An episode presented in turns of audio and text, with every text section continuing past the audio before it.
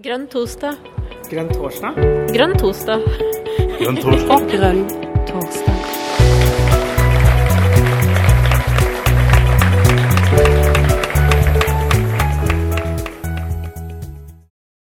Velkommen til Grønn torsdag. Og nok en gang så skal vi ta opp et eh, tema som eh, er aktuelt for eh, landsmøtet til Miljøpartiet De Grønne nå i mars 2021. Og det gjelder kjernekraft. Fordi man kan jo si med hånden på hjertet at kjernekraft definitivt er en klimavennlig løsning. Eh, Så er det kanskje ikke alle som er like enige om hvorvidt det er en natur- og miljøvennlig løsning. Vi har fått Brynjar eh, Arnfinnsson med oss, som skal eh, få lov til å fremlegge sitt ståsted. Og så er det åpent for spørsmål og debattinnlegg etterpå. Så når det er sagt, Brynjar, ordet er ditt, og du kan gjerne si litt mer om deg selv også. Og tusen takk for at du har kommet hit til Grønn torsdag. Tusen takk for det, og takk for invitasjonen og at jeg får lov til å snakke om et veldig spennende tema. Ja, litt om meg. Ehm, Jeg heter altså Brynjar Arnfinsson. Jeg har vært med i MDG ikke så veldig lenge, siden 2017. Eh, Nå er jeg også lokallagsleder og folkevalgt i eh, en bydel som heter Alna i Oslo. Og så sitter jeg som vara i fylkesstyret i Oslo MDG. Har en eh, mastergrad i teoretisk fysikk, eh, men jeg er ingen ekspert på reaktorteknologi og alt det tekniske der. Jeg er her først og fremst som partimedlem og eh, ja, som en innbygger som er bekymra for klimaet og naturen.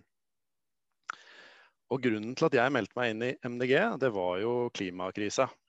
MDG var det eneste partiet som virkelig tok inn over seg alvoret i det klimaforskerne sier, og som har det som et grunnleggende premiss for all politikk, og ikke bare som enda et politikkfelt.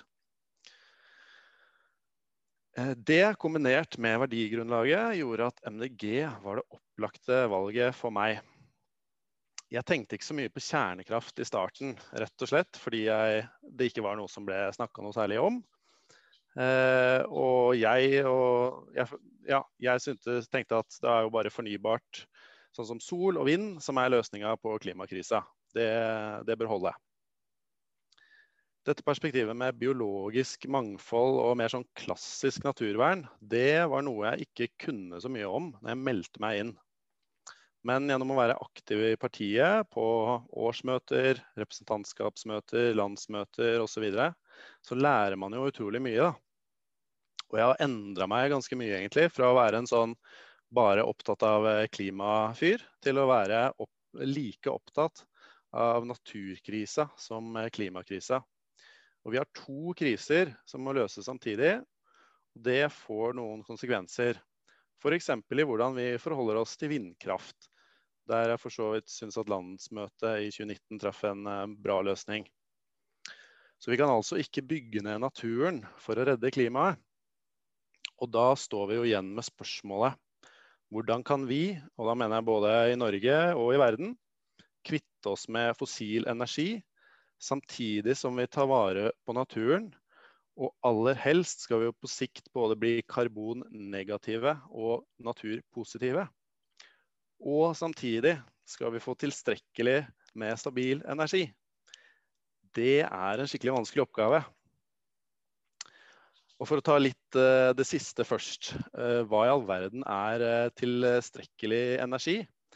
Ja, jeg vet ikke, for å være helt ærlig. Og her strides jeg også litt med min pragmatiske halvdel, med min mer idealistiske halvdel. Jeg som medlem av, energi er, nei, som medlem av eh, MDG er jo over gjennomsnittlig idealistisk anlagt. Eh, og er villig til å redusere energiforbruket ganske mye, og betale ganske mye for det også, for å redde klimaet og ta vare på naturen. Men vi i MDG er nok også over gjennomsnittlig idealistiske her. Så skal vi få med oss resten av folket og industrien på det her, så tror jeg at eh, vi kanskje må opprettholde og kanskje øke energiforbruket framover.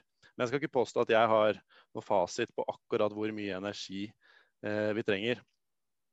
Men vi må også tenke på at det grønne skiftet trenger energi. Vi trenger f.eks. strøm i en sirkulær økonomi. Eh, materialgjenvinning det krever energi. Veldig mye avfall i dag blir energigjenvunnet, som det kalles. Dvs. Si brent. Eh, og skape en, for med på å skape en askerest som er i ferd med å bli enda et avfallsproblem. Så vi trenger energi for å øke andelen materialgjenvinning. Særlig gjelder det for krevende materialer og produkter, sånn som elektronikk og elbiler osv. Vi trenger strøm for karbonnøytrale løsninger, sånn som hydrogen og syntetisk drivstoff. Og vi trenger strøm for eh, en del karbonnegative teknologier. F.eks. hvis vi skal ha CSS, karbonlagring, basert på filtrering av CO2 fra luft. Det krever veldig mye strøm. Uansett, det finnes ulike framskrivninger som prøver å svare på spørsmålet om hvor mye strøm vi kommer til å trenge framover. Og alle kommer fram til at vi i hvert fall trenger mer elektrisitet hvis vi skal dekarbonisere energisystemet vårt. Og da kommer vi fram til den andre delen av utfordringen. Både karbonfri og stabil energi uten å bygge ned naturen. Og når vi vet hvor enorm den utfordringen er, så kreves det eksepsjonelt gode argumenter for at vi skal utelate enkeltteknologier fra samtalen. Og her kommer vi fram til kjernekraft. Fordi i mange år så er det nettopp det som har vært tilfellet. Kjernekraft har blitt sett på som en ikke-løsning. Og i enkelte miljøer blir man også litt uglesett for å foreslå det. Og da kommer jeg fram til det som er mitt hovedpoeng i dag, egentlig. Og det er at man må vurdere fordeler, ulemper og kostnader ved alle teknologier på like premisser. De vanligste innvendingene mot kjernekraft det er faren for ulykker, koblingen til atomvåpen, avfall og noen ganger også kostnader. Så jeg tenkte jeg skulle si litt uh, om hver av dem og sammenligne litt med andre energikilder. Så hvis vi ser på uh, ulykker først. Da er det jo to ulykker som må nevnes, som er de to kjente store ulykkene. Det er Tsjernobyl og det er Fukushima. Og eh, jeg kunne sagt eh, ganske mye om hver av dem. Um, jeg skal prøve å holde, holde, det litt for kort. Litt kort.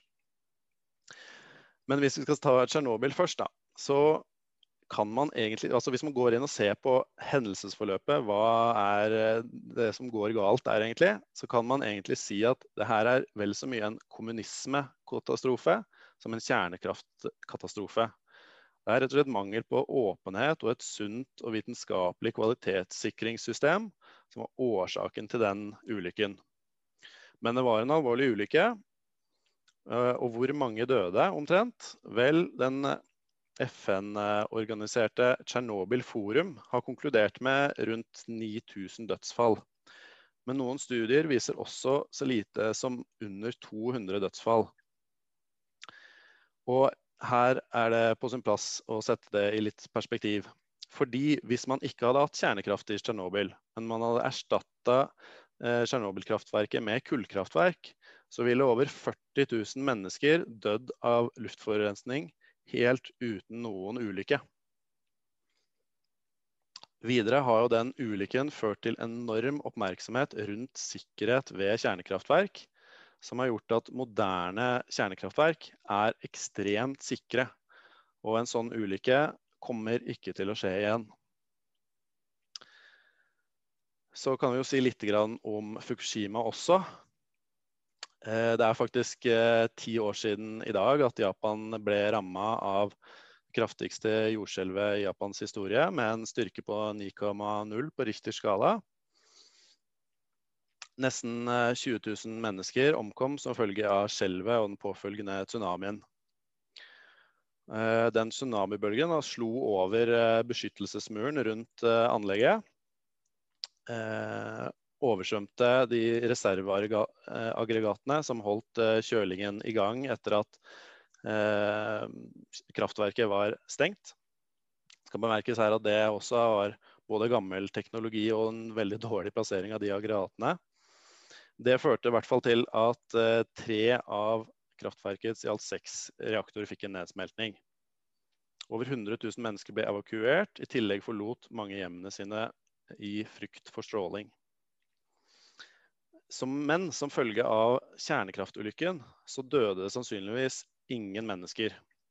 F.eks. kan vi se på Store norske leksikon at de skriver at ingen mennesker omkom som direkte følge av reaktorulykken. Det er heller ikke ventet at strålingen vil ha noen målbar virkning på befolkningen på lengre sikt. Japanske myndigheter har riktignok anerkjent ett dødsfall av lungekreft som følge av strålingen fra eh, kraftverket.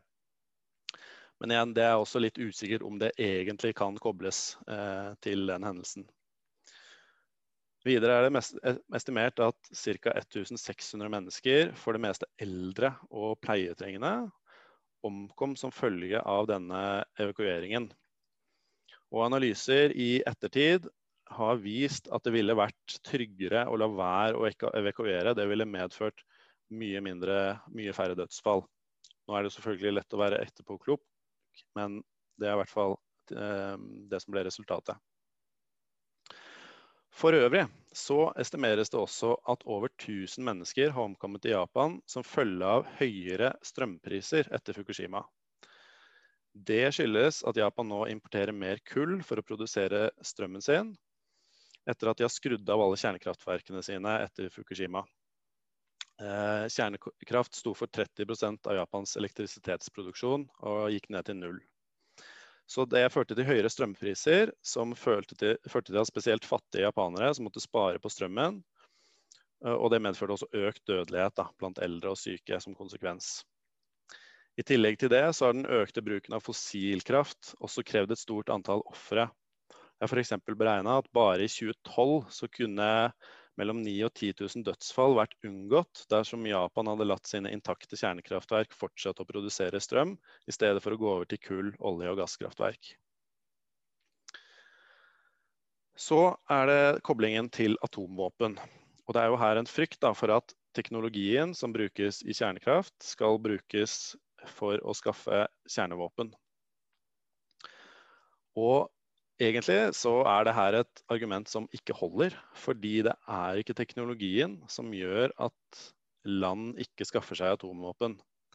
Land lar rett og slett være å skaffe seg atomvåpen fordi de ikke har noe lyst på det. Norge har kunnet lage atomvåpen hvis vi ville det. Vi kunne brukt et halvt til ett år på det, men vi gjør det ikke fordi vi ønsker oss ikke det.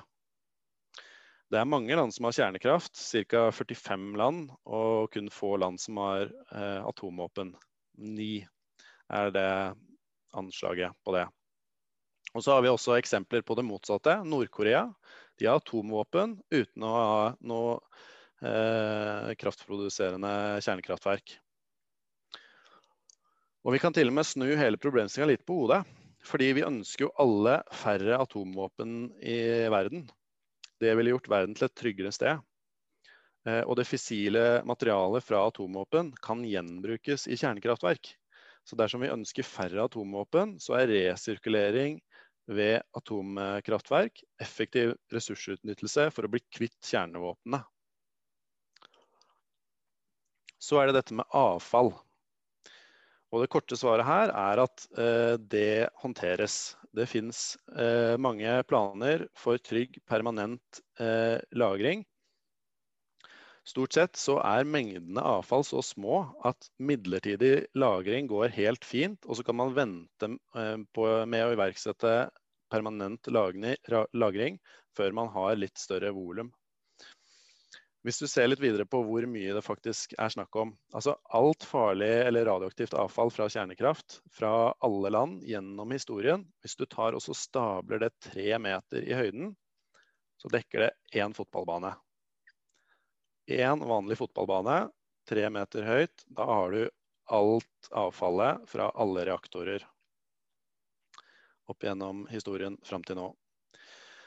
Bare i 20 Og så må vi sammenligne litt med andre energiformer. da. Fordi Hvis vi ser på solkraftindustrien f.eks.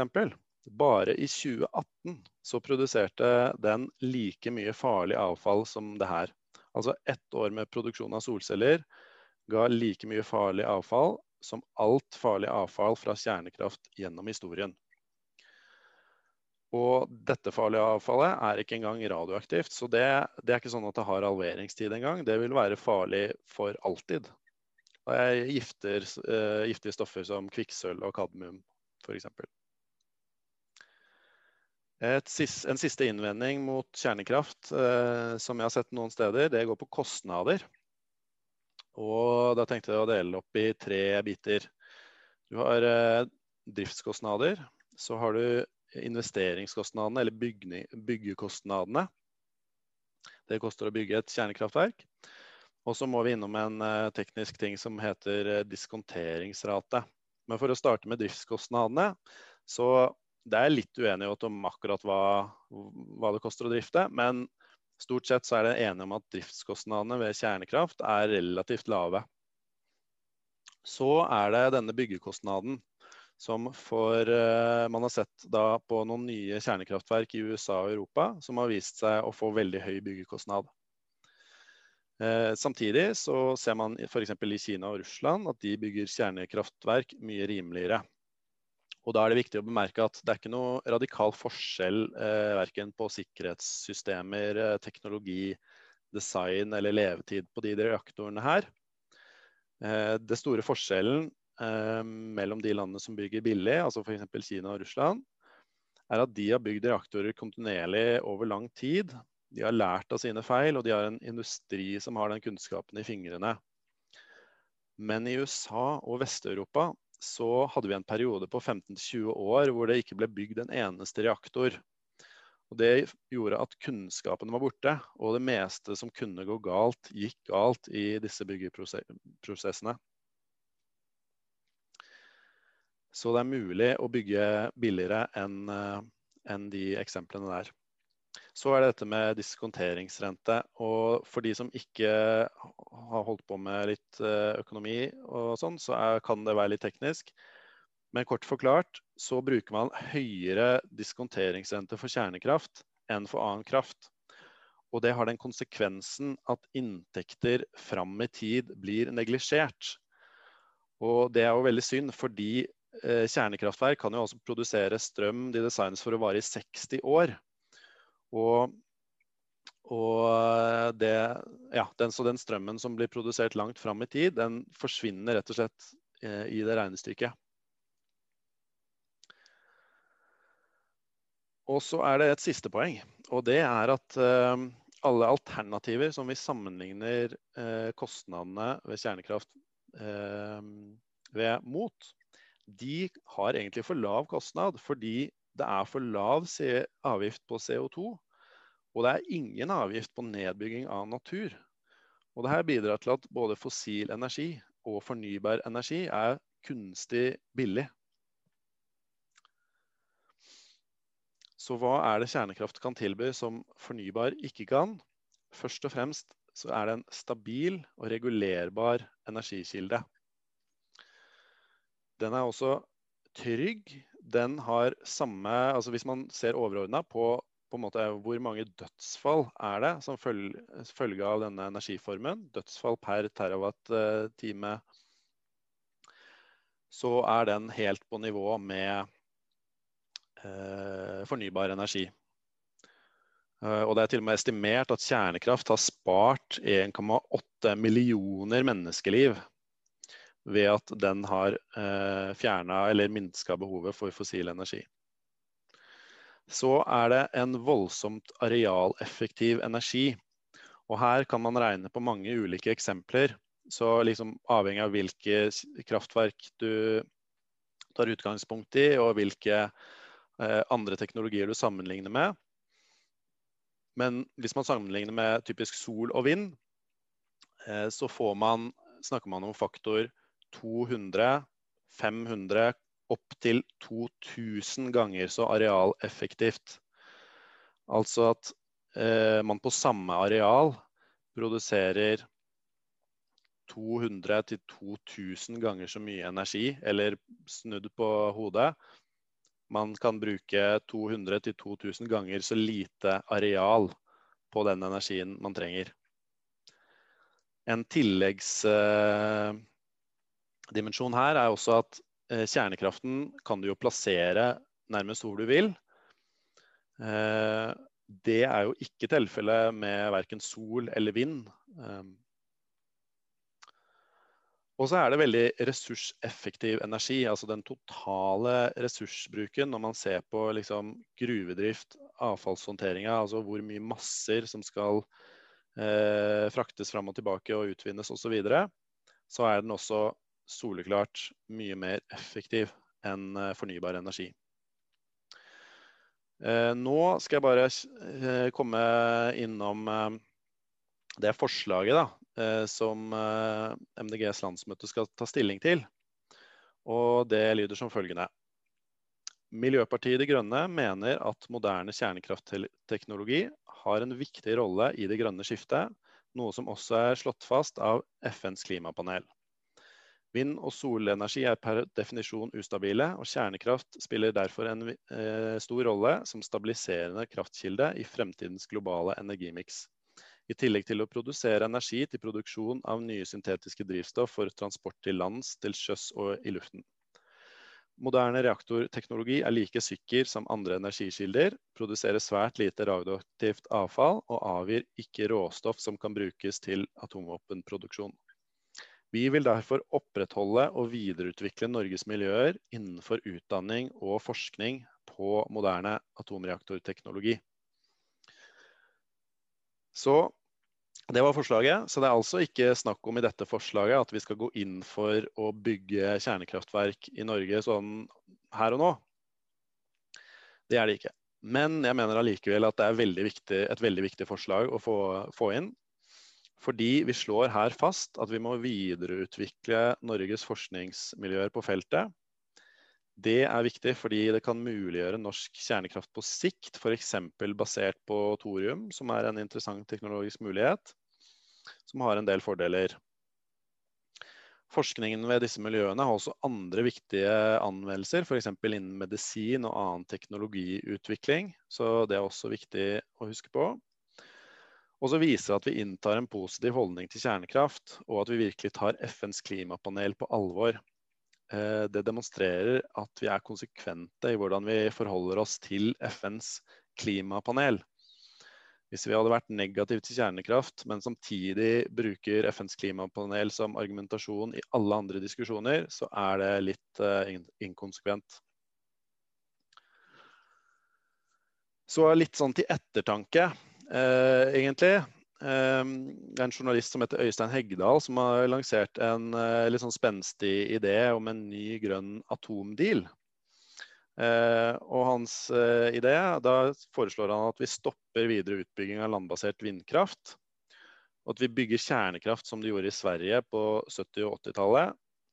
Og at når konsesjonene for vindkraftverkene går ut, så kan de tilbakeføres til naturen og til, til, og med at de mest kontroversielle vassdragene også kan tilbakeføres eh, til naturen.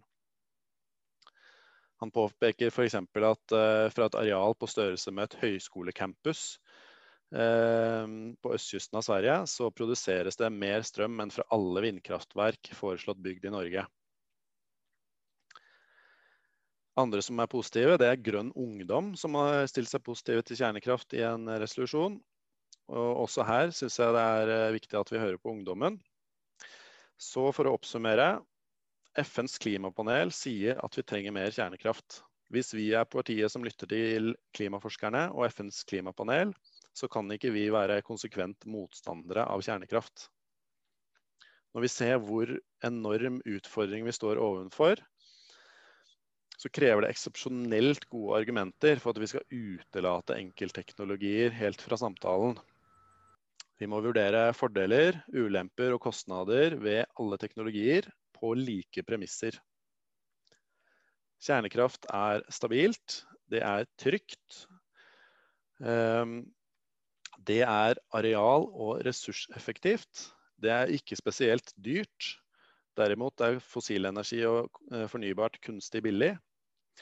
Og det som overbeviste meg, det var å skjønne at vi ikke bare har én krise, klimakrisen, men at vi har to kriser. Vi må løse klimakrisen og naturkrisen samtidig. Og, og, særlig når vi ser hvor viktig arealeffektivitet er for å løse den siste krisen. Så forslaget går, heller, går, da altså ikke ut på at vi skal bygge kjernekraftverk i Norge her og nå, men at vi må satse på forskning og utvikling og anerkjenne kjernekraft som en del av det grønne skiftet. Det var det jeg hadde tenkt til å si, så takk for det. Tusen, tusen takk for det, Brynjar, og for en eh, god redegjørelse for, eh, for forslaget til, eh, til programpost i programmet til Miljøpartiet De Grønne. Eh, nå er det jo sånn at det skal være mulig å tegne seg. Før jeg gir andre ordet, så skal jeg si noen ord. fordi når vi postet dette arrangementet på Facebook, så fikk vi mange stemmer. Det er som, som vil ytre seg. Det er tydelig at det er dette, dette er et tema som er følsomt for, for mange. Mange mange føler mye rundt dette og har sterke meninger. Eh, så jeg har lovt å lese et innlegg, vedkommende kan ikke være her i dag. Eh, så jeg fremmer dette innlegget på vegne av vedkommende, eh, Brynjar. Og så kan du få lov til å, å kommentere det før vi gir ordet til andre. Høres det greit ut? Okay. Det høres veldig greit ut. og dette er det han skriver. Kjernekraft er ikke god miljøpolitikk. Det er heller ikke utbygging av vindkraft. Det synes å herske en allmenn forestilling om at vi trenger mer energi for å erstatte den fossile energibruken vi ønsker å fase ut. Men dette er egentlig helt feil. Vi trenger ikke en bestemt mengde energi for å løse samfunnsoppgavene. Det er tvert imot slik at vi innstiller måten vi løser oppgavene etter hvor stor tilgang vi har til energi. I et samfunn med mindre energitilgang vil vi velge andre måter å løse utfordringene på. Dette er altså ikke politikernes oppgave å sørge for større tilgang til eh, energi, men å sørge for at energiprisene går opp når etterspørselen øker. Men da må vi også sørge for at vi setter en pris på miljøbelastningene med energiutbygging, som for all annen naturbruk. Ellers øker bare presset for å øke energiproduksjonen. Energibruk handler om kostnader.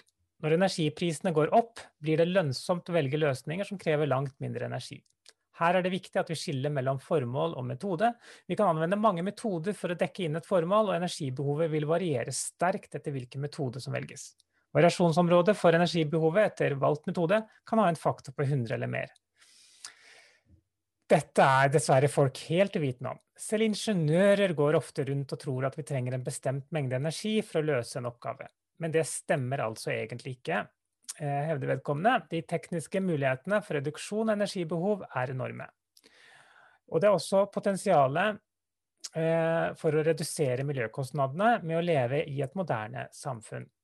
Vi trenger ikke lenger bekymre oss for arbeidskostnadene med mer avanserte løsninger. Moderne industriroboter og datateknologi har fjernet den begrensningen. Her i Norge har vi rikelig med fornybar energi. Problemet er å få folk til å innse dette. Folk er redd for høyere energipriser, men dette problemet kan løses gjennom at man betaler en andel av kraftinntektene tilbake til folket som en månedlig kontant utbetaling til alle innbyggere, uavhengig av alder og inntekt. Dermed vil de ha råd til å betale for en nøktern energibruk, men ikke ha råd til å sløse. Dette var altså ikke min mening eller mine ord, men jeg videreformidler dette. Har du noen kommentarer, Brynjar? Eh, ja, eh, og det var jo mye å ta tak i. Eh, og jeg kan jo være helt enig med vedkommende at uh, altså Hvor mye energi trenger vi? Jeg personlig, som jeg var litt innom her, er villig til å bruke ganske lite energi. Uh, jeg har f.eks. gående et eksperiment hvor jeg dusjer i kaldt vann. Men jeg tror ikke vi får med oss resten av Norge på det. Eh, og videre så er det også sånn at Norge er ikke en isolert øy. Vi er en del av et eh, globalt samfunn. Og f.eks. Eh, industrien vil jo slite i Norge hvis vi skal bruke en sånn tilnærming eh, med høye energipriser. Eh, det vil gå veldig dårlig med norsk økonomi. og Det er klart Norge er et rikt land. Eh, altså jeg kan godt eh, ta kalde dusjer. Jeg, kan, jeg, trenger ikke så mye materielle goder. Jeg kan gå ut i skogen og ha det fint, jeg. Men jeg tror ikke det er en veldig realistisk helhet eh, i det forslaget. Jeg tror nok vi trenger noe energi. Hvor mye er en kjempegod diskusjon. Og jeg er ikke helt sikker på om vi trenger, norsk, eh, kjerne, altså, om vi trenger kjernekraftverk i Norge. Jeg er ikke helt sikker på det. Mm. Men, eh, men holdningen er, er, mener jeg må endres. Vi, og det handler om f.eks. hvordan eh, skal vi opptre på den internasjonale arenaen? Skal vi prøve å få andre til å legge ned sine kjernekraftverk? Eller skal vi heie på de som bygger kjernekraftverk? eh, osv. Tusen takk, eh, Brynjar, ehm, for god redegjørelse. Da er det sånn at eh, alle er velkommen til å tegne seg. og Da vil vi at dere bruker raise hand-funksjonen. Og skulle dere ikke finne så er det mulig å tegne seg og skrive én i chatten også. Vi følger med der òg. Så da er det Marian som er først ut. Vær så god. Ordet er ditt. Takk så mye. Um, jeg skal også forsøke Jeg rack ikke å strukturere meg så mye som jeg ønsker, men har noen eh, punkter som jeg vil nevne. Eh, för det første så tenker jeg at eh, ju mer low-tech man velger sine løsninger, dess mer foolproof er det. Og dessverre så er det sånn eh, vi gjør dumme ting, mennesker. Både enkeltpersoner og i grupp, og ofte ikke for at vi vil det, utan, utan for at vi ikke er kloke nok i forutseende nok. Eh, vannforbruk eh, i kärnkrafts... Eh, eh, i atomkraft er ganske ekstremt stor. Det er kanskje noe som ikke alle er medvetne om. Jeg så et program om Frankrikes kjernekraft, og jeg husker ikke det eksakte prosenttallet av søtvannsforbruket i landet, men det var, var ganska hårresande om det var 20% 40% eller 50% av sötvansförbruket i Frankrike gick till kylning av reaktorer. Um, på många ställen så använder, kan man ju använda havvann, där är det inte lika sensitivt. Men havet värms upp delvis också. När man använder flodvann vid älvar så är begränsningen egentligen det att man inte får värma upp älven hur mycket som helst för att inte störa den biologiska mångfalden. Uranbrytning, ehm, det är en sån sak som man ofta inte tänker på i samband med, med kärnkraft, men, men det görs ganska ofta på eh, mark som har gjort, ska jag väl säga, eh, på mark som tillhör urfolk. Eh, I 2009 så var det Kazakstan, Namibia, Niger, Uzbekistan låg väldigt högt upp på länder där det gjordes uranbrytning. Um, men i Sverige så finns det mycket uran i norra Sverige, men där har regeringen i 2018 bestämt att man ikke skal bryta uran alls i Sverige. Um, det er jo ikke helt sant at man kan plassere et kärnkraftverk var man vil liksom man kan det, men, men det er knappast ønskelig. Uh, Sverige hadde jo et kärnkraftverk, Barsebäck, som avvecklas, som ligger i nærheten av Malmö og Köpenhamn. Hade det skett en olycka där så hade man fått utrymma Köpenhamn och Malmö för gott. Och det hade nog inte varit så väldigt populärt. det, de kan vara ganska sensitiva för terrorism. Um, i och med att uh, man må beskydda det så att ingen kommer in, ingen oanmält kommer in på området. Um, för konsekvenserna kan ju bli ganska uh, drastiska hvis det skulle ske. Och jag känner aktivister, nej jag känner dem inte, men jag känner någon som känner aktivister i Sverige som har eh, tagit sig in på eh, kärnkraftsområden. ofta är inte nämnt i kalkylerna kostnaden för avveckling. Um, jag vet att i Tyskland så, det var också ett program som jag såg men som jag inte lyckats hitta senare, det har Miljödepartementet en väldigt, väldigt stor kostnad för flytt av avfall från en förvaring som inte höll måttet. Och, och, det var upp till halva den årliga budgeten som gick till det för Miljödepartementet i Tyskland. Så det kan vara ganska extrema kostnader och även demontering av kärnkraft har inte tidigare blitt betalt av eh, kärnkrafts eh, energiföretagen själva, det har liksom överlåtits till samfunnet att ta tak i, liksom i etterkant. Så det er jo ikke heldig. Um, jeg, jeg syns ikke helt at det blir rett å sammenligne med kolkraft. Uh, det er klart at vi ikke ønsker kolkraft uh, så som, liksom, for helse- og miljøskäl. Men, uh, men jeg syns det er litt sånn moralsk tvilsomt å skape et avfall som varer i ja, utrolig lang tid, langt utover vår livstid. Um, så, så, så, jeg syns ikke at det er en uh, forsvarbar vei att, att gå. Uh, men framförallt så tenker jeg jo da på at uh, liksom, det er et mål i seg selv å være så low tech som mulig. Takk. Tusen takk, eh, Marion. Brynjar, ønsker du å kommentere? Ja, det kan jeg gjerne gjøre. Der var det jo veldig mange ting, så jeg skal se om jeg greier å, å plukke opp alt. Det første jeg så der, var det du sa om vannforbruk, eller særlig bruk av ferskvann. Og det er klart, eh, Globalt så er jo tilgang på ferskvann et eh, problem. Men sånn i Norden så er jo ikke det et stort problem, sånn jeg kjenner til det.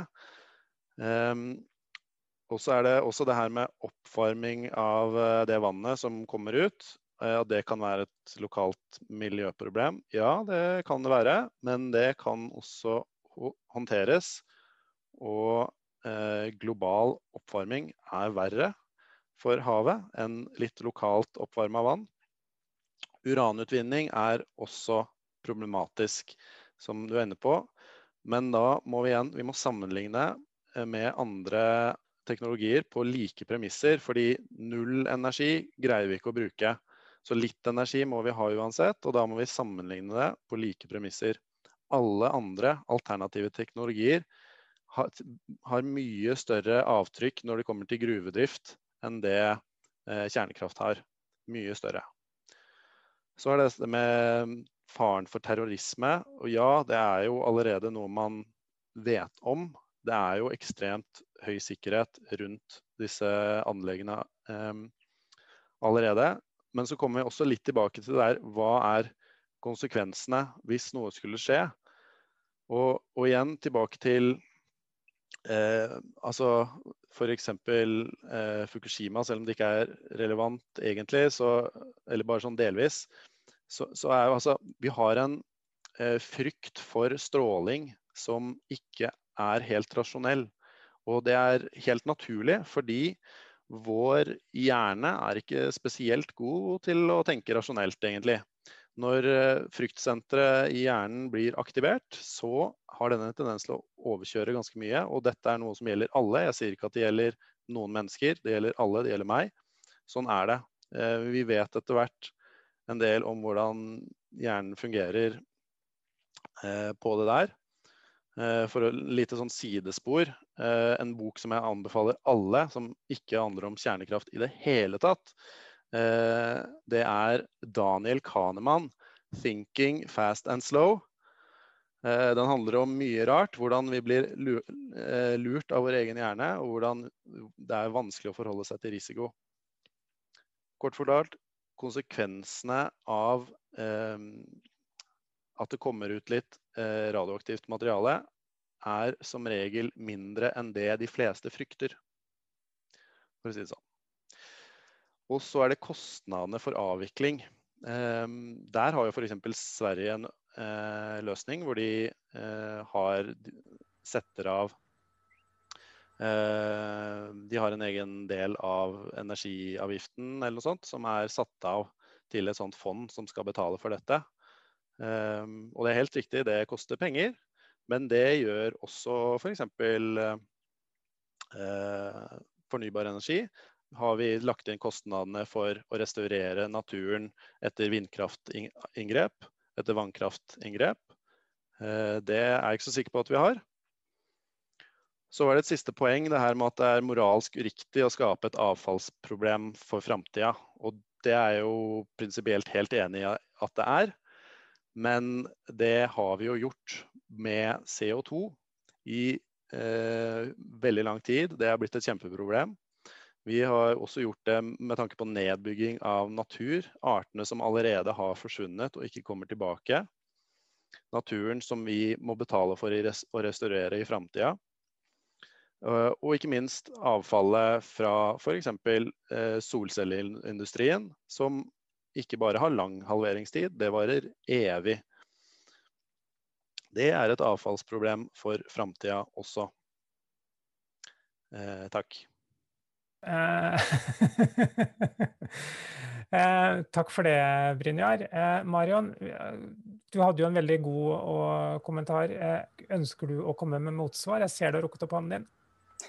Eh, ja, jeg kan jo bare komplettere litt, egentlig det här med kostnader, det är sant att eh, Sverige har, tar en del av energiavgiften som skal betale for avviklingen. Eh, det er en relativt ny ordning som jeg husker det, eh, kanskje 10-15 år, Altså ikke så langt som kjernekraften i Sverige.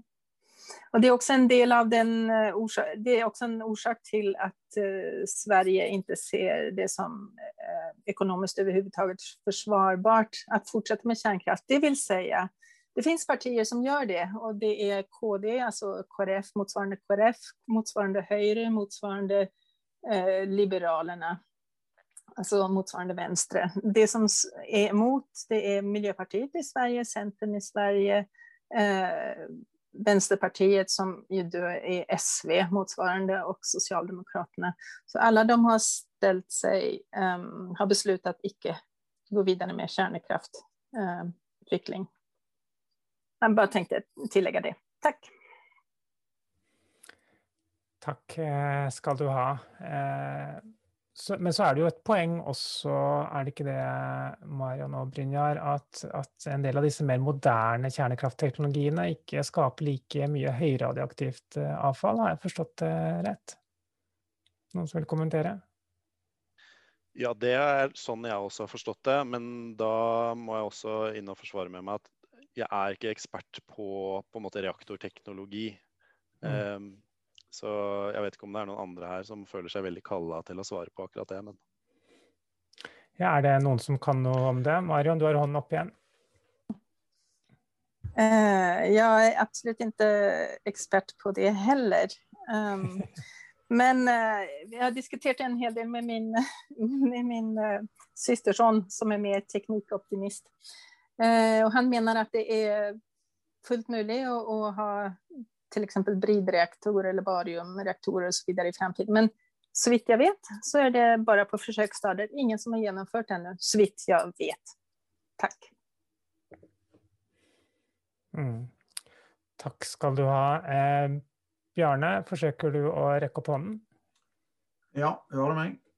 Ja, vær så god. Jo, amerikanerne de bygget jo en sånn eh, reaktor på 90-tallet som eh, kunne bruke avfall. En sånn briderreaktor som jo mer energi den produserte, jo mer drivstoff produserte den òg fordi at den resirkulerer avfall. Altså bruker avfallet da, til å produsere energi.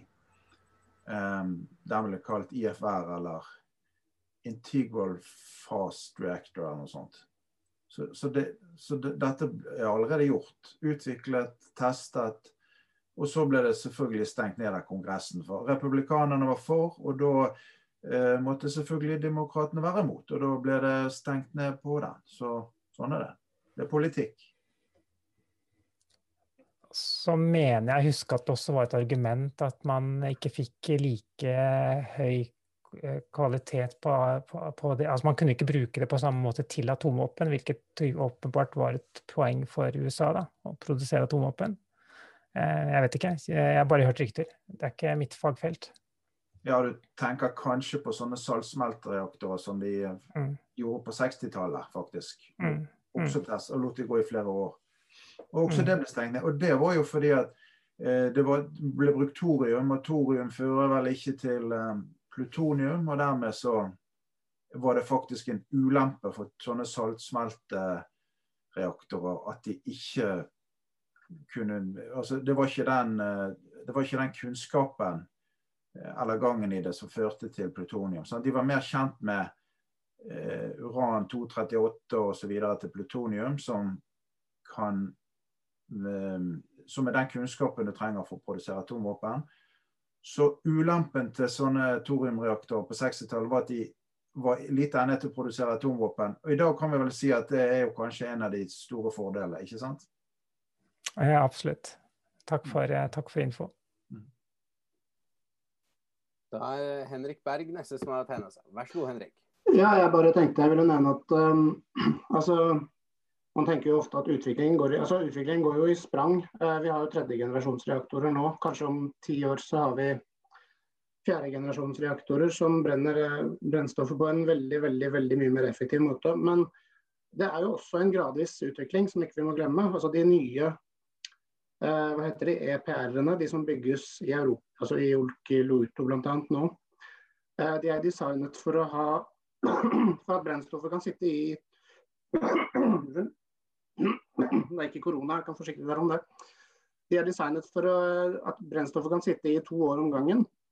Eh, det har en del praktiske konsekvenser, spesielt i, i Norden, altså i Sverige, der de, der de bytter, der de bytter brennstoff om sommeren når energibehovet er lavest. Med nye reaktorer så kan de bytte brennstoff sjeldnere og, og så brenne mer av brennstoffet, sånn at det blir mindre avfall per, per energienhet. Da. Det er jo en, en utvikling som går gradvis. Samtidig som vi også har sånne hopp som vi da forhåpentligvis får med fjerde generasjon da, om ti år. Cirka. Takk for det, Henrik. Brynjar, ønsker du en kommentar? Nei, det var jo fint uh, supplert, det. Så ja. Tiltredes, tiltredes. Eh, jeg har en ting jeg lurer litt på, og det er um, i den forbindelse med at du nevnte Fukushima og at Japan skrudde av sine reaktorer, så uh, Du har jo også vært innom dette med frykt og det, hvordan det påvirker oss. Men er det, er det, sånn at Japan skrudde av reaktorene sine fordi de er redde? Er det, på en måte, er det totalt uh, kunnskapsløst, på en måte? Er det det som holder oss tilbake? Hvilke refleksjoner har du rundt det? Det lurer jeg litt på. Jeg, min reaksjon for å bruke Jeg skal prøve å bruke litt snillere ord, men det er en overreaksjon som eh, ikke står helt i eh, eh, til på en måte den risikoen man løp. Altså, analyser har vist at det hadde vært tryggere å la være å, å evakuere folk enn å ikke gjøre det. Så lav var strålingsfaren. Um, sånn at selv med en på en måte nytt jordskjelv og ny tsunami et annet sted, så er det ikke sikkert at det engang hadde vært verdt å evakuere befolkningen altså fra kjernekraftverket. Men jordskjelvet og tsunamien i seg selv er jo eh, det dødelige her. Så eh, så det er det som har vært dessverre tilstanden i på en måte public opinion, er at det er en frykt som er forståelig, men som ikke er helt i proporsjon til den reelle risikoen. Uh, tror jeg jeg vil si. Takk, eh, Brynjar. Men hva um, Den frykten, da. Uh, den påvirkningen det, det kan ha på menneskene som bor rundt uh, disse reaktorene. Uh, hva tenker du om den? Er den, er den av betydning? Og den, uh, det her er en litt sånn interessant diskusjon, for den dukker opp så mange steder. derfor var det dette med opplevd trygg, trygghet kontra reell trygghet. og det er fascinerende. så det lurer jeg også på om du kan si litt om. Det er, det, det er helt enig, og det er kjempefascinerende. Og man skal ikke kimse av opplevd frykt. Eh, det gir stress i kroppen. Stress er veldig helsefarlig. Eh, så eh, opplevd frykt kan absolutt manifestere seg i høyst reelle helseplager hos folk. Så man skal absolutt ta det på alvor. Men da mener jeg at svaret er ikke å masseevakuere eller på en måte bygge, gjøre handlinger som legitimerer den frykten. Eh, jeg tenker at det handler mye om eh, opplysning, utdanning, rett og slett. Både om det faktisk fysiske fenomenet som er stråling, som er noe, altså radio og radioaktivitet, som er noe som ikke så mange kan så mye om. Vi ser det ikke.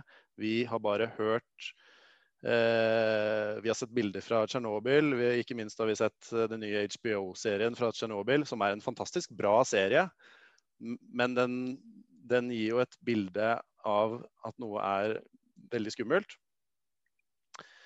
Så vi må på en måte både ha en opplysning om hva altså de faktisk, hva er det det er snakk om, hvor farlig er det egentlig, men også Eh, det som jeg var innom i stad med sånn psykologi og Daniel Kahneman, hvordan hjernen vår er veldig dårlig til å ta sånne rasjonelle beslutninger eh, generelt. Og ikke minst når eh, følelser blir aktivert. Da.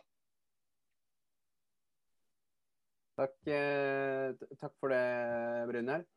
Eh, jeg følger gjerne opp litt til, jeg. Eh, og du har jo vært innom, du var jo innom det med utdanning og altså altså informasjon om uh, hva som faktisk er de reelle, reelle farene. Men fra et sånn politisk ståsted, hvordan, hvordan ser du for at man skal kommunisere dette ut? Du nevner jo at uh, man skal være konsekvent i tråd med FNs klimapanel og den typen ting. Men har du, har, du, noen tanker rundt hvordan kan dette kommuniseres ut som en positiv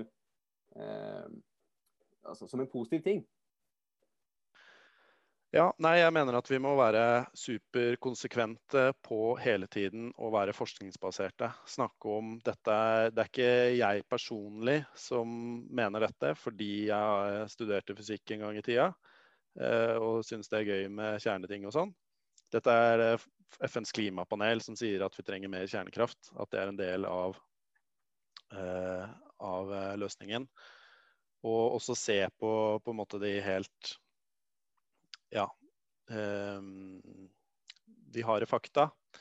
Og på en måte ja, være veldig tydelig på, på, det. Og ikke minst, hva er fordelene her? Um,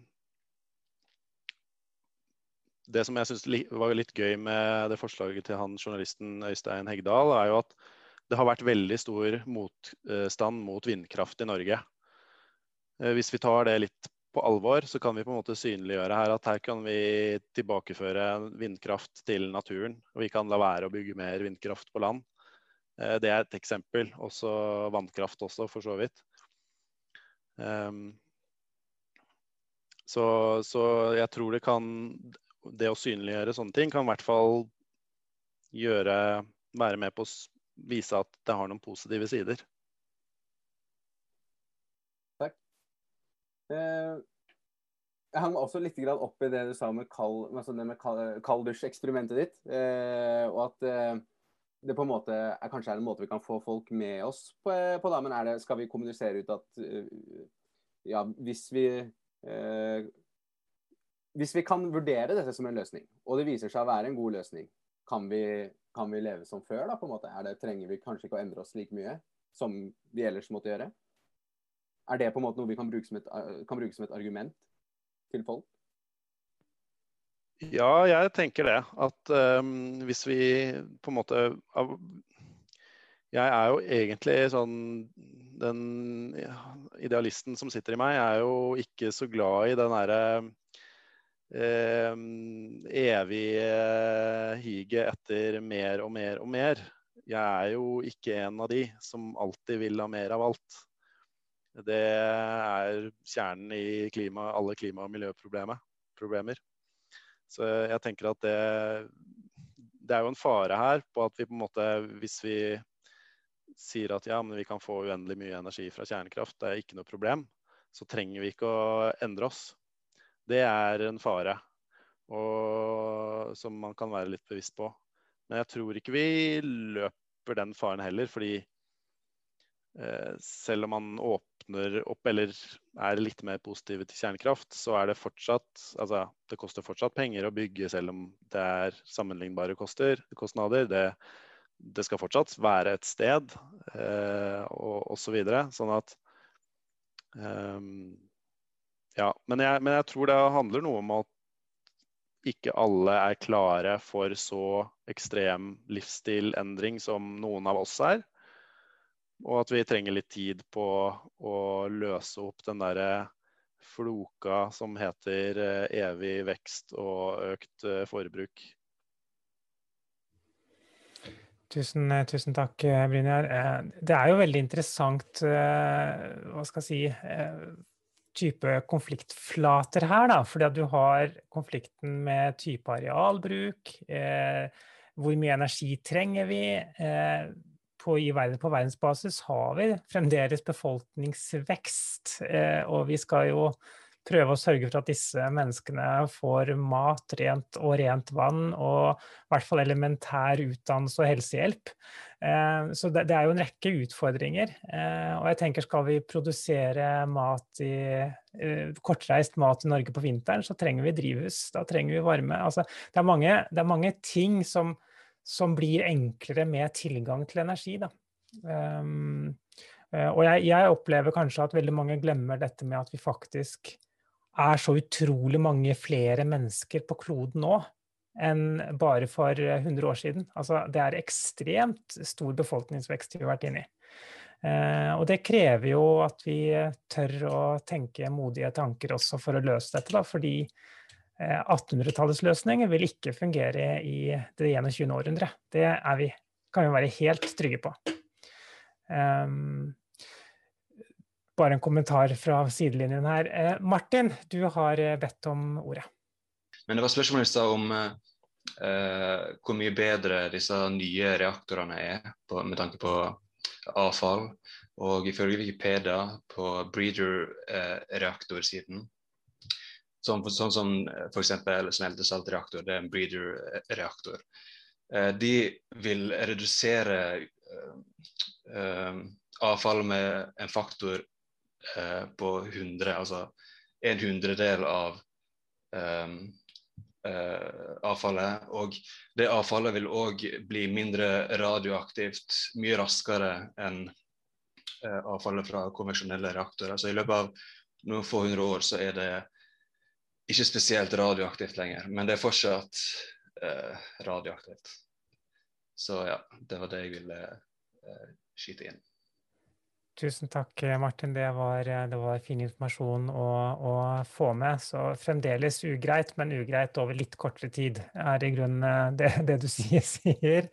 Um, og, og, eh, da ser jeg også at Mathias har rukket opp hånden. Vær så god, Mathias. Uh, jeg syns det er veldig kult initiativ den debatten dere har tatt til her uh, om kjernekraft. Og så er det veldig positivt at dere har deltakere som både er for og mot.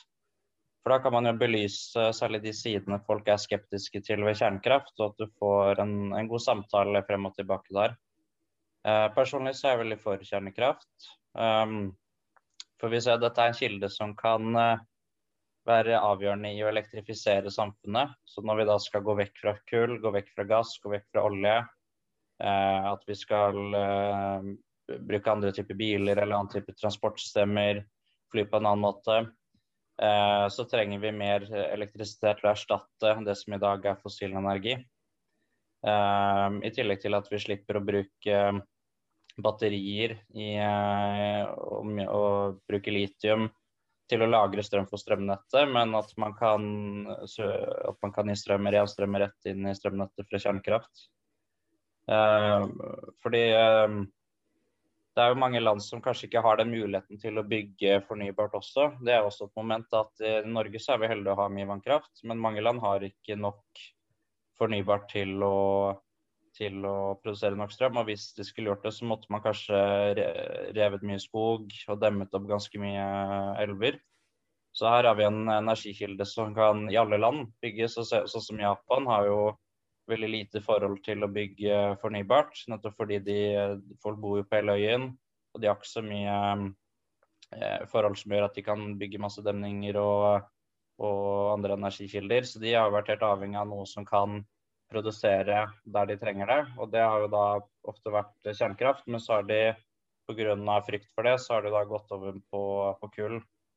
Så, så veldig mange land så er ikke alternativet Eh, fornybart istedenfor kjernekraft. Det er alternativet kull. Så det her bør vi jo tenke kan Norge være med å bidra, særlig de landene som ikke har mulighet til å bygge fornybart. Kanskje vi kan eh, Norge har jo mye Vi kan hjelpe til med å gjøre den investeringskostnaden som gjerne er høy. Men så vil jo lønnsomheten være høy på sikt nettopp fordi vedlikeholdet er lavt. Så det er en langsiktig investering. Så det er i hvert fall for, meg, for min del da, noen av de grunnene som taler mest for at jeg er positiv til kjernekraft. Så syns vi bør se på det mer både i Norge, men særlig også et globalt perspektiv hvor Norge kan bidra med vår kunnskap.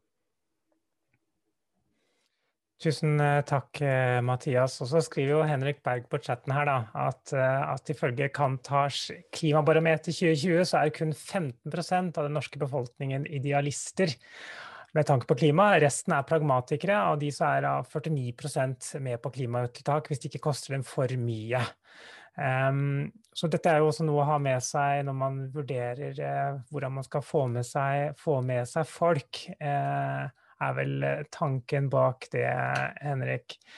Eh, og så skriver eh, Bjørn Boge eh, at eh, i Sverige så jobber de nå med noen småskalaprosjekter De må fokusere på små kraftverk som kan serieproduseres, og som igjen fører til lavere kostnad per enhet. Så det, er, det skjer jo Eh, interessante ting. Eh, det, det, er jo ikke dødt på denne fronten. Men det viktigste, tenker jeg, eh, det er jo at du, Brynjar, du har jo eh, lagt frem noe av begrunnelsen for dette forslaget til programmet. Og det som er viktig, tenker jeg, å få frem, er jo at dette handler ikke om at vi skal ha kjernekraft i Norge, men at, er, at, vi anerkjenner at kjernekraft er en del av den globale energimiksen, og at det skader ikke å ha kompetanse på dette i Norge, hvis jeg skal prøve å trekke ut eh, kjernen av det som ligger i forslaget. Det var ikke eh, med vilje at jeg brukte kjernen i, men eh, det var jo litt artig, tenker om. Um, vi har vi kommet over, over, tida, så nok en gang tusen takk til deg, Brynjar, for at du, at du, tok oppgaven på strak arm. Tusen takk også til deg, Marion, spesielt fordi at du kom med såpass mange gode motinnspill. Det setter i hvert fall jeg personlig veldig, veldig stor eh, pris på. Eh, og takk også til alle dere andre for å ha bidratt positivt til en hyggelig torsdagskveld her i Grønn torsdag. Vi kommer til å fortsette igjen på tirsdag allerede, Jonas, fordi det er jo, vi varmer jo opp til landsmøtet, som seg hør og bør. Eh, har du noen lekkasjer om eh, hva vi skal ha på tirsdag? Jeg har to stikkord. og Det ene er jord, og det andre er bruk. Og så kan man sette de sammen. Så det skal handle så, om jordbruk. OK, så ikke bruk jord, altså. Nei, men det, det er jo for så vidt greit. Og på torsdag om en uke så, så tar vi abortdebatten. Um, så det er uh, også uh, en krevende debatt uh, som er kanskje hakket mer følsom enn kjernekraftdebatten også. Så der har vi tatt spesielle forbehold for å sørge for balanse. Så tusen takk, folkens. Ha en riktig fin og deilig kveld videre. Og så kanskje vi ses allerede på